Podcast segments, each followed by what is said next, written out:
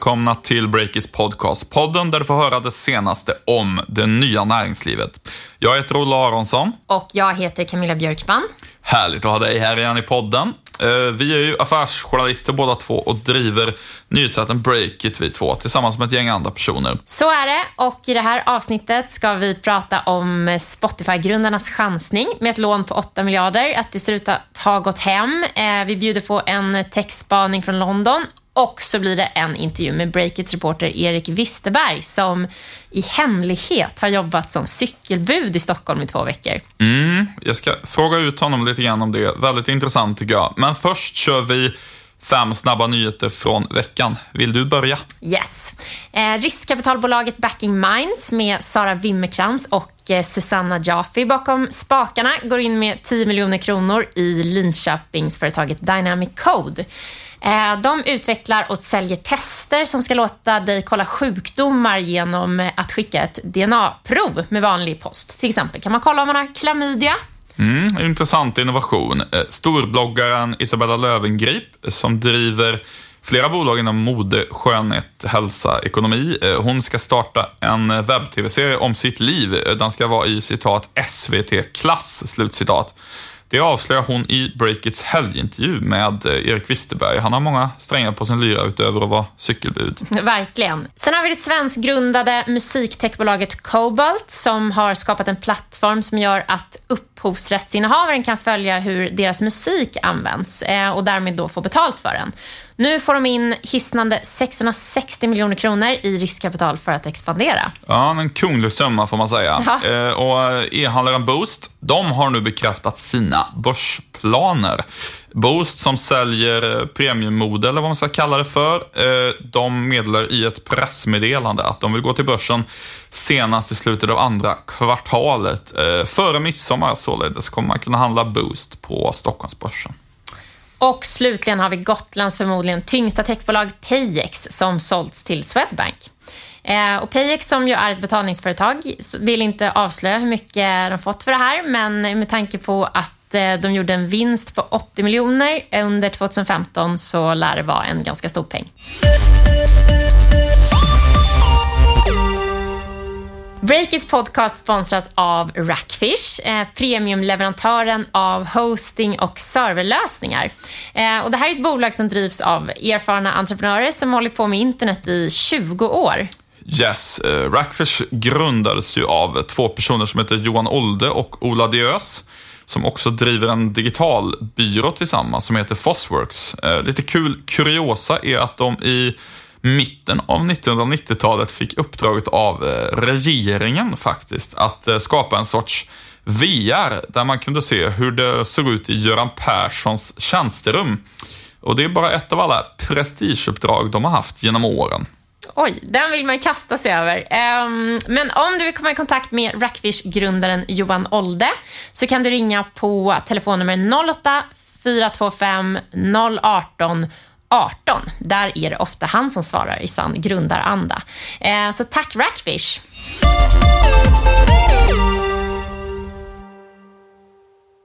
Veckans techsnackis är ju Spotify-aktien. Eh, och där händer det grejer hela tiden. Olle, vad är det senaste?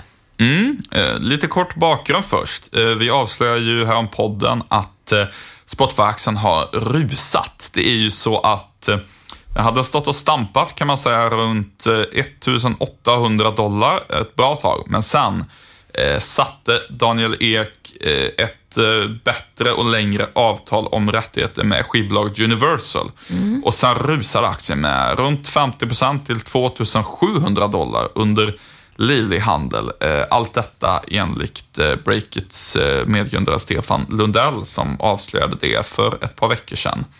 Men nu har det hänt eh, ännu mer och eh, det är följande. Affärsvärlden, den eh, ansedda affärstidningen i Sverige, de har ju en ja, skvallerspalt, eller vad man ska kalla det för, som brukar vara väldigt initierad faktiskt. Ehm, de har ofta rätt på börsgolvet, som den spalten kallas för. Och där har det nu stått följande.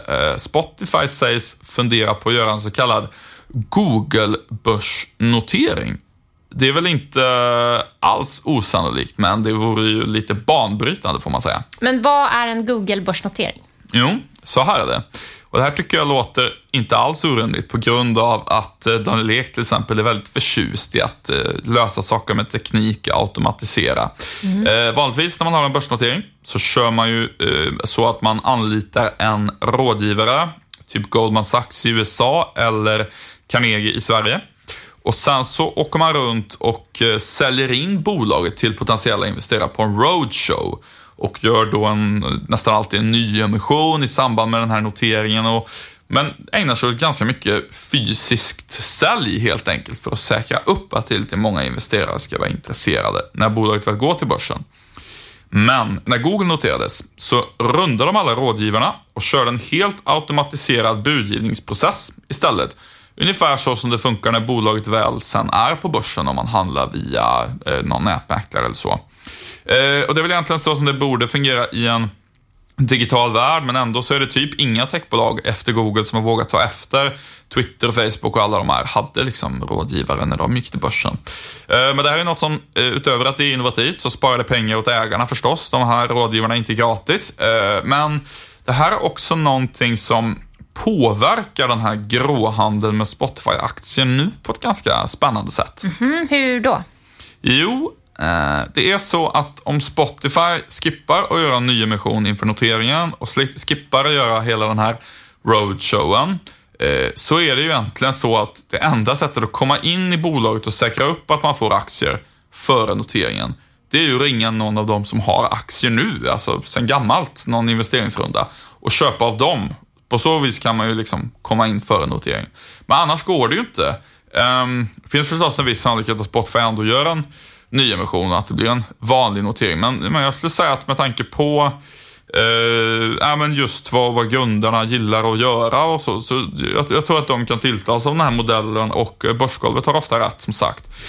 Uh, och det där gör ju liksom att priset på aktien i gråhandeln nu, de som uh, funderar på att sälja aktier, kan ju använda det som ett argument för att ta ett allt högre pris. Att jo, men det här är enda sättet att komma in före noteringen och eh, det där skapar ju en väldigt intressant diskussion också nu eh, vad gäller informationen som finns ute på marknaden. För att eh, eh, det är väl inte jättehög chans att det är så, men hela det här med att de ska göra en sån notering, det skulle ju också kunna vara ett illvilligt rykte för någon som vill snacka upp priset på aktien. Och det är ett hett spel där nu, där miljardbelopp står på spel. Det är noterat nu till väldigt mycket pengar, 150 miljarder kronor ungefär Spotify, mm. eh, som pågår. Det, det, är riktigt intressant att följa måste jag säga. Um, en annan intressant sak där som du puffade för i vår lilla ingress till den här podden, det är ju att Spotify-gudarna tog en chansning när de eh, häromåret tog in 8 miljarder i riskkapital via ett konvertibellån. Eh, för om man gör det, då är det i praktiken en chansning på att eh, värderingen på bolaget kommer vara mycket högre ungefär ett år senare. Då, då tjänar man på att göra en konvertibel istället. Och det gick ju hem extremt bra. De, nu är värderingen alltså, ja, tidigare har det ju, de siffror som vi har skrivit om har varit en värdering på runt 80 miljarder kronor ungefär. Eh, sen så har den eh, ja, gått upp lite, det beror på dollarkurs och så vidare, men nu eh, sägs ju bolaget vara värderat till runt 150 miljarder kronor, vilket är väldigt mycket pengar. Eh, och oavsett vad den exakta siffran är så är det helt klart att kursen har gått upp väldigt mycket och att den här chansningen gick hem. Eh, och jag måste väl säga att man eh, upphör inte att imponeras av hur het Daniel Ek är som företagsledare känns det som. Det är inte, det är inte jättemånga svenskar som, som är där uppe på, på den Mark Zuckerberg-nivån och rör sig. Verkligen inte. Och som har drivit upp företaget från start till att nu operera på den här nivån. Ja, verkligen. Det är väl bara, där känner man ju sig liten i breakits eh, lilla trevliga men lite enklare värld. Ju hatten av för den prestationen i alla fall. Ja. Nu är Breakits reporter Erik Wisterberg i studion. Du har tillbringat de senaste två veckorna med att göra ett så kallat Wallraff-reportage, alltså ett reportage eh, där man eh, låtsas vara någon man inte är för att få ut information, lite förenklat. Eh, och det här reportaget har du gjort som cykelbud i Stockholm åt Fodora och Uber Eats matapparna. Du kan väl berätta till en början, hur kom det sig att du ville göra den här granskningen? Ja, det var en idé som föddes här på Breakits redaktion när vi skulle välja ut något riktigt angeläget och granska, något som inte har liksom genomlysits tillräckligt. Då kom vi gemensamt fram till att vi har alla sett de här cykelbuden överallt i Stockholm. Det är Fodora, det är Uber och det är Volt och nu kommer Hungrig in också. Så det, bakom de här så står det ju stora välfinansierade techbolag och riskkapitalbolag. Så att, eh, de är intressanta ur flera perspektiv. Dels så undrar man hur är det för de här cykelbuden? Och dels så undrar man också väldigt mycket kring affärsmodellen och hur det här ska funka. Så mm. att, eh, det, det, var ju det som ledde oss eh, gemensamt till att ta beslutet att vi skulle ägna en ganska ordentlig eh, summa tid till att faktiskt svara på hur är det att mm. jobba som cykelbud och kan man beställa mat med rent samvete här i Stockholm? Och jag som är utgivare på Breakit och som fattar beslut i publicistiska frågor och så, Eh, jag hade ju ehm, egentligen inga problem med att vi valde den här arbetsmetoden, men du som gammal, du är ju mediereporter också med lång bakgrund på Dagens Media. Hur, hur resonerade du kring etiken, att du eh, lite grann låtsades vara någon annan än vad du är för att göra journalistik? Ja, alltid när man gör, väljer att göra ett Wallraff-reportage så ställer man sig frågan, kan vi få ut den här informationen på något annat sätt än att liksom segla under falsk flagg eller inte berätta hela sanningen? Och vi kom nog ganska snabbt fram till att det har skrivits en del artiklar tidigare som bygger på anonyma vittnesmål inifrån de här bolagen och så vidare, men de har inte riktigt kommit hela vägen i mål. Och eh, vi gjorde bedömningen att det enda sättet för oss att få den insyn vi behöver var att någon av oss skulle kunna ta anställning för de här bolagen, helst samtidigt. Mm. Så att eh, Sen en etisk avvägning var ju, ska jag ljuga? Ska jag hitta på en identitet eller inte? Och vi valde i första läget att testa att slippa ljuga mm. eh, oss till jobb och jag använde mitt eh, riktiga namn, Erik Wisterberg, som mm. jag är ensam om i Sverige att ha. Så att eh, jag har inte, och sen bestämde jag mig också ganska snabbt för att jag ska, inte, jag ska försöka att inte ljuga. Eh, mm. Så att om någon frågade mig varför jag sökte jobb, då sa jag att eh, jag ville testa, jobba som cykelbud och eh, se om man kunde tjäna extra pengar på det. Och, mm. och, att jag var intresserad av att tjäna extra pengar. Och det, mm. Extra pengar är man ju alltid beredd att tjäna, så att det var ingen lögn. så. Nej, det är alltid en svår eh, gränsdragning det där, men eh, eh, det är intressant det du nämner. Eh, det är ju bara en googling bort att du arbetar som journalist på Breakit. Och då hade man ju, om man hade kollat bara i några minuter, kunnat förstå att han har nog en månadslön som gör att han egentligen inte behöver göra det här. Till skillnad från dina kollegor. Jo, precis. Och eh, därför var det ju liksom en stor nervositet som jag klev in på de här rekryteringsträffarna och små mm. intervjuerna som hölls med mig. Jag tänkte när som helst så kommer jag i alla fall ställa en fråga kring att, men eh, vänta lite, jobbar inte du som journalist? Varför vill du ha det här jobbet? Just det, men den kom aldrig den frågan. Nej, den gjorde inte det. Eh, och det är i sig intressant, för det visar ju om något, eh, förmodligen hur liten bakgrundskontroll som ändå görs. Mm. Eh, att om man inte ens bryr sig om att googla, då, då gör man nog inte så särskilt stor kontroll kring ja, vilka man anställer helt enkelt. Uh, nej, och det där är ju förstås uh, intressant eftersom många, eller nästan alla som kör det där har invandrarbakgrund, kanske inte är svenska medborgare. Eh, man kan ju tänka sig att om man hade gjort en del sån bakgrundskontroll kanske man skulle kunna upptäcka att någon är papperslös, till exempel. Ja, där vill jag ändå sticka emellan och säga mm. att eh, det, det, kan jag nog dementera att det skulle förhålla sig så. Utan mm. det, den kontrollen som gjordes var ju ganska enkel. Att mm. De var tvungna att dyka upp med ändå en svensk eh, legitimation och ett ah, person, okay. giltigt personnummer. Mm. Eh, så att jag har inte, alltså formellt så finns det nog inga papperslösa anställda här. Däremot så kan man undra i nästa led, för att jag lånade ut mitt Uber-konto mm. till eh, min kollega Stefan Lundell för att mm. hjälpa mig en kväll. Eh, så det finns ju ingen kontroll i nästa led. Just det. Jag, jag han faktiskt, körde på ditt konto helt enkelt? Ja, jag skulle kunna sälja iväg mina uppgifter och dela på intäkterna med en papperslös. Det finns nog inget som hindrar det. Men däremot den, den typen av rudimentär kontroll, att, att du har Eh, ett svenskt personnummer, mm. den, den görs ändå. Just det. Du, hur var det då? Att jobba som, förlåt, du ska få dricka, dricka lite vatten eller ja, saft tack. Jag, jag har ju kommit det precis, ser inte ni som lyssnar, precis. men Erik har varit ute helt nyligen och kört och eh, du har ju eh, du har ju livesänt på Facebook och så, eh, medan du levererade mat och så. Eh, så, nu har du fått dricka klart. Du kan väl berätta, Tack. hur var det att jobba som, som cykelbud åt de här matapparna? Det var ju en väldigt splittrad bild eh, mellan de här två aktörerna. För vi valde ju ut Foodora och Uber Eats för att de är störst i Stockholm. Och alla artiklar som jag hade läst innan, de pekade, de klumpade ofta ihop de här och sa att det var slavlöner och usla villkor. Eh, och sen så gick man vidare. Så att jag började ju min resa med Uber Eats. Och eh, det var ju under de här dagarna i Stockholm när det var liksom en parodi på aprilväder och det haglade, regnade och snöade om vartannat. Just det, ja, ni som inte bor här och bor i Norrland eller så får, får ursäkta, men det har faktiskt varit helt sjukt att det är mitten av maj och det snöar eh, mellan klockan 9 och 9.30 och sen är det typ sommar en halvtimme senare. Helt, helt sjukt har det varit. Nej, men så jag cyklade ju upp, eh, cyk, började cykla i tron om att jag skulle liksom få cykla runt som en galning. Det var egentligen min inställning, att det här kommer bli jobbigt. Eh, Men jag cyklade mest runt och blev blöt och kall och väntade på beställningar som aldrig kom. Eh, Och på Uber Eats, där funkar det ju så att om du inte får några beställningar under några timmar, då är din lön noll kronor alla de timmarna. Du får bara betalt om du får beställningar. Och det här var ju som ett lotteri, vilket var ett stort samtalsämne bland alla andra bud som jag träffade när vi stod och väntade på Medborgarplatsen eller Östermalm eller var vi stod.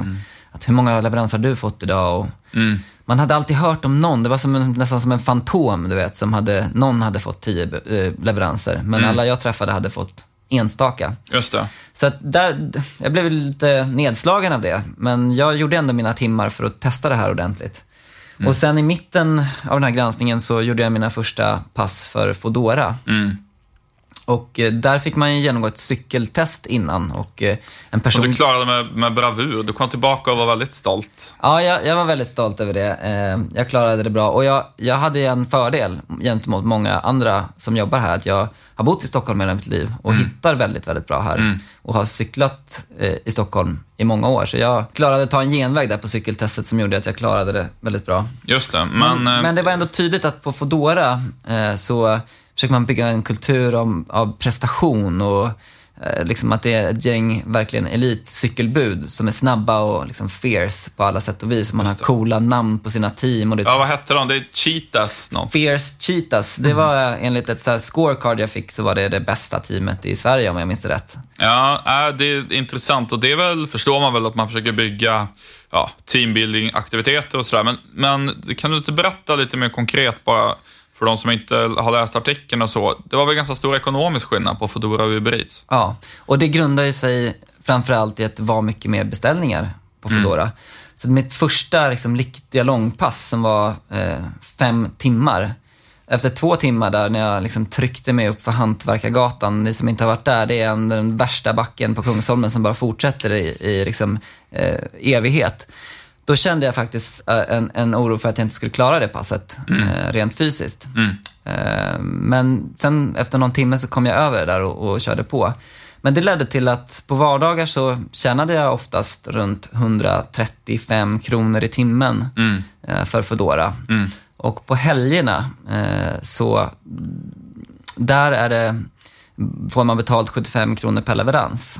Och ofta så klarade jag att göra minst tre per timme, eller i snitt tre per timme skulle jag säga. Ibland fyra. Så att min timlön där landade ofta på 225 kronor i timmen. Det låter som att det liksom funkar rätt bra som till exempel extrajobb för en student eller ja, vad, vad det nu är för upplägg. Ja, men precis. Eh, Det man kan invända mot är att det är ett jäkligt farligt jobb. Eh, Men om man, är, om man gillar att cykla, gillar att vara ute och gillar att liksom träna, för att det, är ändå, det var ändå sjukt jobbigt måste jag säga, eh, de här passen. Eh, Om, om man har de egenskaperna, då, då skulle jag absolut säga att det är ett okej extrajobb. Skulle faktiskt kunna tänka mig att köra något pass igen där. Ja, men Uber Eats däremot, för dåligt betalt, för få uppdrag i appen och folk lite grann desperat cirkulerar runt på stan och väntar på jobb som aldrig kommer. Ja, men jag stod vid Fridhemsplan en dag när de hade kört ut en sån här garantikampanj. Att man ska få kunna nå en premie och på så sätt få liksom en okej timlön. Och eh, då var det väldigt många andra ute där eh, som konkurrerade om de här uppdragen. Och en som jag träffade sa det rakt ut, bara, jag kom in här till stan för den här premien, men jag har inte fått någon körning alls. Eh, Så att han, liksom jag, cyklade ju runt där utan att få några pengar. Jag kände mig lite som en jäkligt underbetald reklampelare för Uber den kvällen. För att, eh, de har ju också ett egenintresse av att maximera antalet bud ute på gatan. Dels så gör det att de kan leverera fort i hela Stockholm och dels så får de en väldigt stor exponering på gatan. Och det märker man att folk reagerar ju när man kommer och säger så åh, där är Uber Eats. Eh, Så det är en reklamexponering där som, som man bidrar med också. Ja, men verkligen. Eh, Och jag kan säga apropå det där med att, eh, lite förenklat, att de här företagen inte tar ansvar, men det är samtidigt ett, eller eh, jag ska inte klumpa ihop dem så mycket, men att man kan säga att det finns väl kring båda bolagen kritik kring att de inte tar ordentligt arbetsgivaransvar i förhållande till hur farligt jobbet kan vara eftersom man måste cykla väldigt snabbt och kan eh, ramla. Eh, men vi kommer ju fortsätta granska det här och så och prata med ansvariga personer om vad de tycker. Eh, vad har du fått för reaktioner på granskningen? Ja, det här gick ju live med eh, en livesändning på Facebook som jag gjorde under ett pass, ett riktigt pass för Uber Eats. Det var så vi presenterade den här granskningen. Och då var jag ju helt fokuserad på den sändningen och svarade på frågor. Jag märkte att det kom in många frågor. Eh, men eh, när jag kom tillbaka till redaktionen så sa ju Jon eh, Manu Pettersson, vår nyhetschef, som kom med den idén från början att göra den här sändningen, att det, den hade nått en kvarts miljon människor på Facebook, eh, vilket ju är helt enormt. Och sen när jag öppnade min eh, Twitter och mail och Facebook och sånt så jag har inte hunnit läsa igenom det än, men, men det är väldigt många reaktioner och väldigt positiva reaktioner. Så att, eh, Jag tror att den här granskningen verkligen kommer att få konsekvenser också på flera olika sätt. Och vi har ju mer att rapportera om. Vårt Eh, eh, batteri är inte tömt vad gäller den här rapporteringen. Eh, jag skulle bara vilja säga som chef, jättebra jobbat. Ja men tack och jag skulle också vilja säga som anställd att det är ett styrkebesked att en ganska liten digital redaktion kan avsätta så många veckor som det här tog för att göra ett grävande reportage. Och det ger mig och andra unga journalister, eller jag är inte ung journalist, men det ger unga Hyfsat ung. journalister. Vi, vi är någonstans däremellan du och jag. Precis, en liten tro på att det går att göra grävande journalistik även på en liten digital redaktion. är. Verkligen. Och eh, nu har vi ju verkligen snappat upp ambitionsnivån där på breaket och vi ska hålla den högt tycker jag. Det här är någonting som människor vill ha och som stärker vårt varumärke. Jag som VD ser ju hur det här eh, säkert även är bra på affären på massa möjliga olika sätt, trots att vår journalistik är eh, gratis. Så att, eh, sånt där ska vi fortsätta med. Eh, tack så jättemycket Erik. Då ska vi släppa in eh, Camilla i studion igen.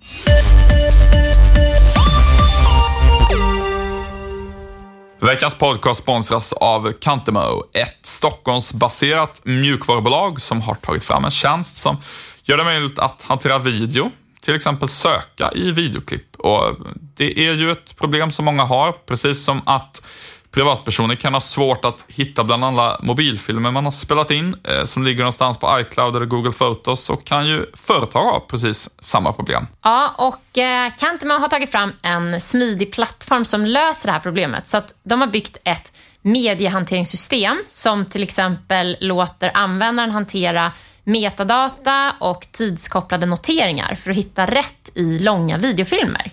Ehm, och då jobbar de bland annat med Googles artificiella intelligens för att automatiskt då skapa noteringar om videoklippen. Och eh, ja, där har de eh, lyckats få kunder som Nike och eh, Disney. Mm, och nu är Cantemo på jakt efter en vass senior backendutvecklare. Och de är beredda att eh, ge en hittelön på 75 000 kronor till den som introducerar dem till eh, nästa anställd. Eh, Om du vet någon som passar för rollen och gillar att jobba i ett passionerat team, så passa på att casha in lite extra lagom till sommarsemestern. kanske kan komma få någon själv där. Det skulle sitta fint med de där pengarna. Verkligen. Men så gå in på cantemo.com 75k. Det stavas T-E-M-O snedstreck 75K för att tipsa om kandidater. Eh, Och om du tipsar om dig själv får du din egen sign-on-bonus. Som vi nämnde här i början så har Linköpingsbolaget Dynamic Code som utvecklar då säljer egna sjukdomstest eh, på nätet. Eh, de har tagit in 10 miljoner i riskkapital från Backing Minds eh, och de lanserar utöver det en kampanj via Pepins, som är en plattform för equity crowdfunding för att få in mer pengar. Lite intressant trend det där som vi tänkte prata lite mer om. Ja, eh, jag lyssnade till, jag var faktiskt hos Peppins och lyssnade på en dragning av vdn och grundaren Ann Kihlgren. Eh, och blev, ja, men jag blev imponerad. Jag tror att det här företaget kommer att gå bra och eh, att kampanjen kommer att gå bra också. Vi får väl se. Ja, eh, men eh, jag får också känslan av att en sån kampanj eh, går bra när man eh, liksom, parallellt med den tar in en tung investerare via en, en vanlig nyemission också. Eh, men en annan sån där kapitalanskaffning på Pepins som inte gick lika bra som vi har följt på Breakits, det var Bangerhead. Det är ju eh, ett ganska väletablerat företag ändå som säljer skönhetsprodukter på nätet. Eh, men deras kapitalanskaffning via Pepins, den här nya aktiemarknadsplatsen, den floppade. Eh, och det där är ju intressant faktiskt för alla som funderar på att ta in kapital till sitt företag. Vad skulle du säga är skillnaden mellan Pepins och eh, det här Dynamic Code då som, ja, det ena floppade och det andra tror du kommer lyckas? Ja, men jag tror att eh, skillnaden är, alltså som i all crowdfunding, eh, så säljer man ju in en dröm. De som ska chippa in pengar ska liksom vara med på en resa. Eh, och den måste man sälja in då när man lanserar sin kampanj. Mm. Och då Bangerhead har ju eh, visserligen en massa spännande saker på gång. De har eh, Linda Hallberg som är så, Sveriges största skönhetsbloggare och Instagramprofil. Kanske inte så många i den här målgruppen känner till, men hon är, hon är jätte, jättestor. Eh, och då har de lanserat ett eget skönhetsmärke med henne och sådär. Men eh, när man kommer till kritan så är det trots allt bara, liksom, inom citattecken, bara en e-handel. Och det är inte en resa att vara med på. Eh, på samma sätt som ett företag där man ser att här, kan, här är en marknad som kan smälla till med hemmatester, liksom sjukdomsprov eh, på nätet. Eh, ja, det tror jag i alla fall. Vad säger du? Nej, men jag tror att du har rätt där. Att just den här med crowdfundade modellen lämpar sig lite bättre för företag som säger att de ska förändra någonting eh, på ett lite tydligare sätt. Ehm, däremot, eh, nu har inte jag koll på exakt hur stort Bangerhead är, men med lite mer traditionella börsnoteringar som inte är crowdfunding, ehm, när man går till typ Aktietorget eller så, där kan det passa ganska bra med något som är, citat, bara e-handel. Eh, då, den gruppen måste väl kanske inte ha, där, finns det folk som investerar, ja, ja men kan jag i framtiden få liksom eh, 3,5% utdelning från det här, då, då funkar det. Det, är liksom, det behöver inte vara en dröm på samma sätt. Men, så, så där tror jag man ska välja eh, man ska välja marknadsplats efter om det är en dröm eller, eller 3,5% utdelning varje Ja. år som man säljer in. Så att säga. Ja, superviktigt. Du, du har varit i London också? Ja, eh, vi har ju snackat lite om Spotify. Eh, och, Lite. Vi har snackat, Ja, mycket. snackat sönder folk om Spotify. Det, det får folk ta, denna poolstjärna i den svenska techindustrin. Verkligen. Jag sväljer det. Uh, yes, du, förlåt. Eh, du har varit i London. Ja, och eh, det, eh, Spotify har ju då verkligen eh, vänt upp och ner på en bransch, nämligen DJ-branschen. Eh, och inte nöd- nödvändigtvis till det sämre. Alltså det finns ju massa DJs som slagit igenom eh, på Spotify. Ehm, men jag träffade i alla fall i London min kompis Serja som jobbar som just DJ och ehm, vi kom in på eh, det här med hur viktigt det är som DJ att liksom hålla sitt sound. Förstår du hur jag, vad jag menar med det? Ja, nej men jag tror jag förstår. Man ska ha ett tydligt särpräglat sound som, som andas ens egen stil. Men vad har det Exakt. med startup och techvärlden att göra? Jo, för att hennes sound är ju då så här, eh, disco house, som är, det är inte en mega... Eh, om, nu, jag kan inte säga jättemycket om, om olika musik eh, sounds, men eh, det, är inte den här, det är inte den största marknaden. Folk vill ju ha det, liksom, det traditionella på något F- sätt. Folk vill ha Vengaboys så här, finländsk kryssning, om man Ja. vill vinkla. Vilket du satte på på Breakits Ja, inflyttningsfest. jag har en, har en har, det, det är ett guilty pleasure för mig, absolut. Ja, och, ehm, men då, ehm, hennes sound, Disco House, har absolut en så tydlig målgrupp.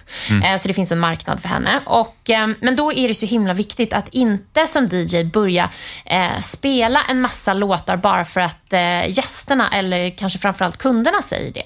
För man kommer ju alltid att få så här, alltså vet man ju själv när man är på fest och bara går fram till DJn, kan inte du spela Spice Girls eller, eller om man då tar in en DJ så, så tycker man ju att man har rätt att säga vilka låtar det ska vara. Och eh, Då är ju det en utmaning, eh, men liksom en konst att som DJ verkligen eh, kunna säga så här, eller både kunna tillgodose kundens önskemål men också hålla sitt sound, för annars kommer man inte att kunna bli stor.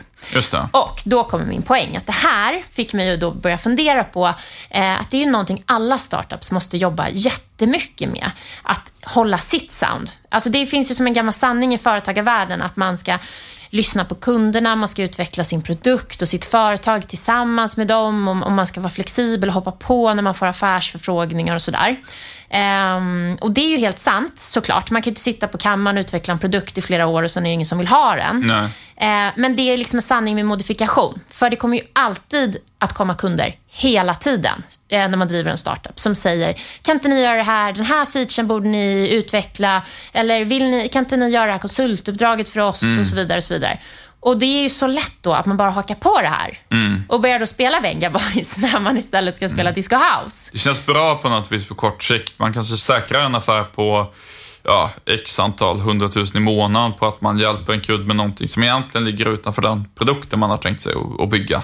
Precis, men man kan ju då på sikt har man liksom solkat ut sitt mm. varumärke då.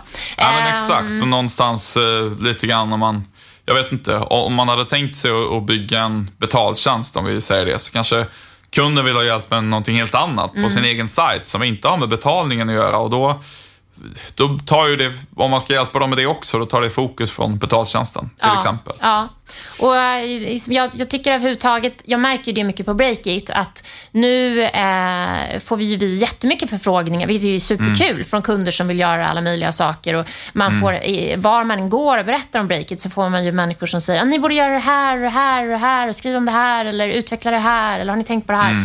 Och då är det såklart att det är lätt att bli blind på något sätt, och, eh, för det långsiktiga målet, och hoppa på allt det här. Ja, du berättade att eh, du hade läst ett, ett blogginlägg med rubriken Product strategy means saying no. Ja, precis. Det var av medgrundaren och chefstrategen på Intercom, som är ett väldigt framgångsrikt software as a service-bolag eh, inom eh, så kallad customer success. Det är mm. alltså ett system som tar över efter att säljaren har gjort sitt jobb eh, för att liksom onboarda kunden och så vidare. Mm.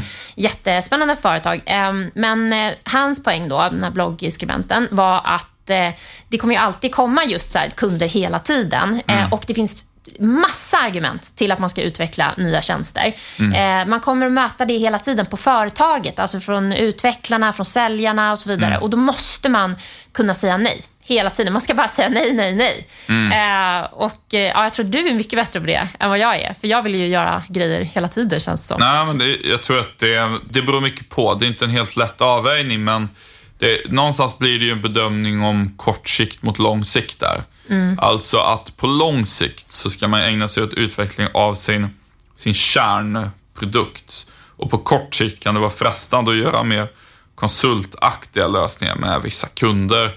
Där tror jag väl det handlar om att um, man får dra gränsen någonstans. Vi har ju till exempel pratat om att vi på Breakit skulle aldrig göra sån här så kallad uppdragsjournalistik. Alltså mm. Alltså att det kommer en kund och säger ja, ni är så bra, kan inte ni göra våran kundtidning typ? Mm. Då kanske vi skulle kunna få 5 miljoner per år och jättebra marginal på att göra det.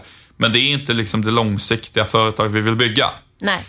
Um, så. Um, men det är väldigt intressant tycker jag. jag. Jag slog lite av det nu när du berättade om din DJ-kompis eh, Andreas Lifgarden som har startat Soundtrack Your Brand som är typ Spotify för företag. Han jobbade ju med Spotify tidigare och satte upp deras eh, samarbetsdealar. Mm. Och eh, ja, de företag som Spotify samarbetar ju med till exempel teleoperatörer kring att sälja paketerade abonnemang, mobiltelefonbolag, ja, typ så här köp Apple Mobil med Telia-abonnemang och få Spotify på köpet i två år och sådär. Och eh, det som han upplevde då var en frustration i sitt jobb när han ville gå ut och sälja in det till stora företag. Det var att på Spotify var det liksom att nej, vi gör inga specifika product features mm. för typ Telia. Utan ni får det här och så får du försöka sälja det. Och det var jobbigt för honom i hans säljande roll då. Men nu i efterhand, när han driver Soundtracker Brand, så ser han ändå varför det på lång sikt är en stor fördel att säga så till kunder. Annars så blir man ett konsultbolag mm. och det är ju jättetrevligt med konsultbolag men om man inte har för ambition att bygga det då, då ska man inte göra konsultjobb. Liksom. Nej. Man får sätta upp en post-it-lapp på datorn där det står “Säg nej” Ja, här, ja, men det är verkligen, det, det, det kan kännas klyschigt, men det är, allt som funkar är bra. Mm. Uh, yes, har vi något mer vi ska tillägga innan vi rundar av den här podden? Ja, men lite egenreklam. Uh, nu på tisdag den 16 maj så ordnar vi ett event tillsammans med Carnegie Private Banking. Det får man ändå säga ligger i vår, uh, vår affärsmodell. Um, och det är här i Stockholm och ämnet är Så blir skatterna för startups och så förbereder du dig. Så ja, att, verkligen. Och det, det där är jätteintressant. Om ni har fler idéer. Om ni är en kund till exempel som vill ha något eventsamarbete med oss och sponsra ett event eller så, då kan ni mejla diana.breakit.se, vår nya eventansvariga. Ja. Eh, stjärna som har kommit in här hos oss. Men apropå Carnegie-eventet, gå in på breakit.se så hittar ni det, det eventet där och anmäl er. Eh, vi rundar väl av där. Vi ska tacka våra sponsorer. Eh, framförallt eh, vår huvudsponsor ska vi säga tackar vi i slutet av podden, Rackfish. Och eh, annars så ska vi också tacka Beppo ljudproduktion som klipper det här. Så får ni ta hand om er ni som lyssnar till nästa vecka. Ha det så jättebra. Hej då! Hej!